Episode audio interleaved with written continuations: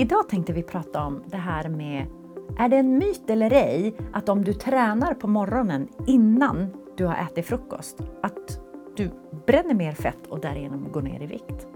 Spännande. Eller hur? Mm. Mm. Det är jag som är Camilla, en av grundarna av Viktdoktorn och jag sitter med vår psykolog Rebecka, specialist eh, inom ätstörningar Ja. och eh, många år på ätstörningsklinik. Jajamän. Och dessutom eh, Crossfit-instruktör level 2.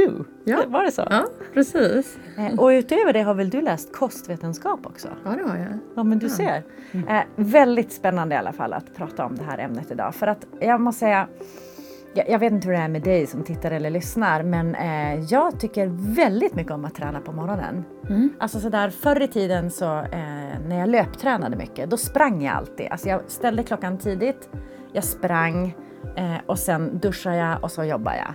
Eh, men jag kunde aldrig riktigt löpträna hårt. Jag brukar alltid ta så här en banan och ett glas juice innan för att annars så var jag helt dimmig i huvudet. Ja. Och nu älskar jag ju då att spela beachvolleyboll klockan sju på morgonen.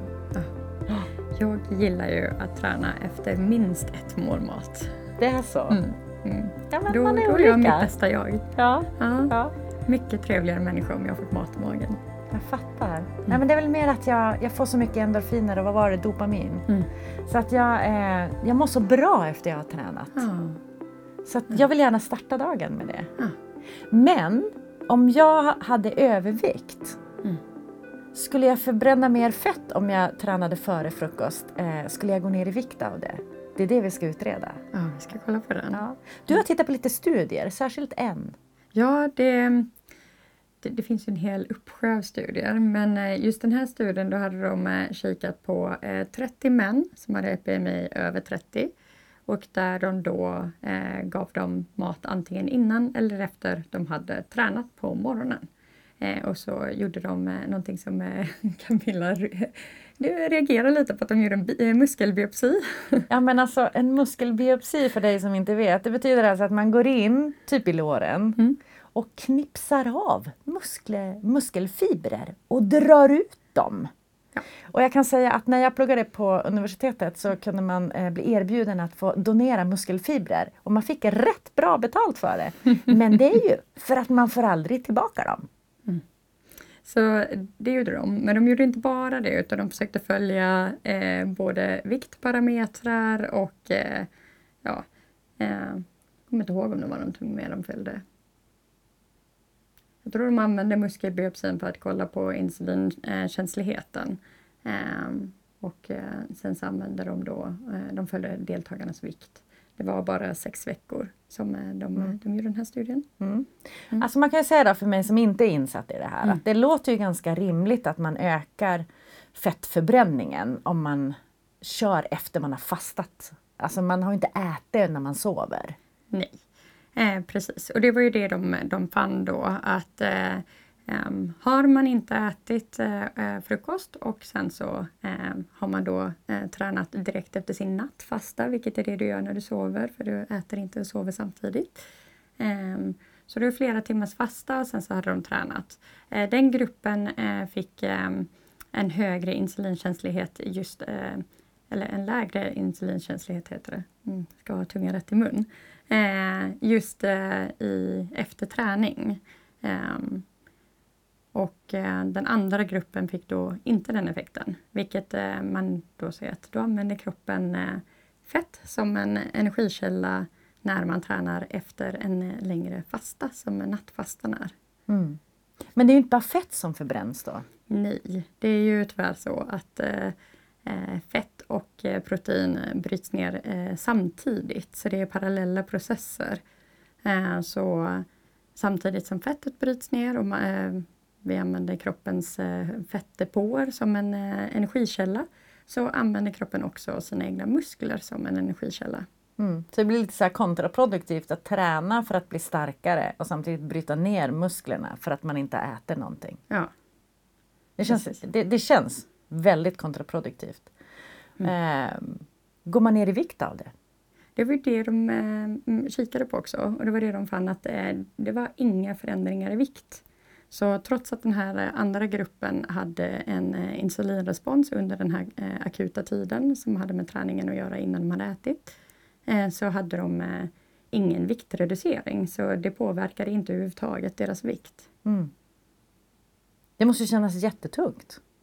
Att träna på morgonen? Nej, men alltså, nej, jag älskar att träna på morgonen men att, att träna utan att ha ätit först, det gör ju att man är mycket svagare. Mm. Eh, jag menar jag tog min banan, eller jag, ja men typ så här, banan och ett, ett glas juice. Mm.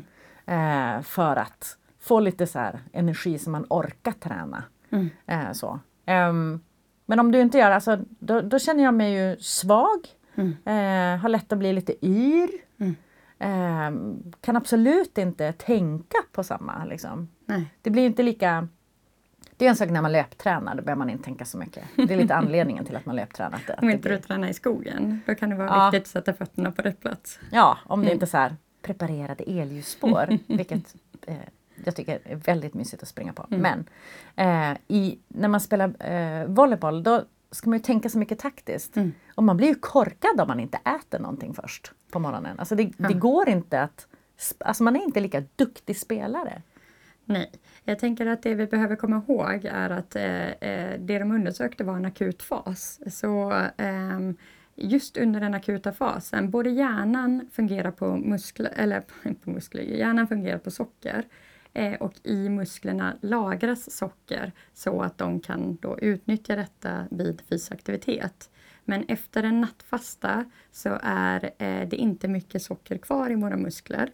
Eh, så om du då har ett begränsat sockerförråd och din hjärna och dina muskler ska konkurrera om energi, eh, då kommer det vara lite svårt att tänka.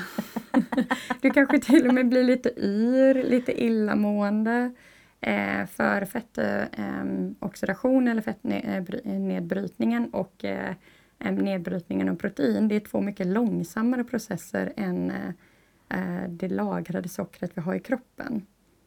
Mm.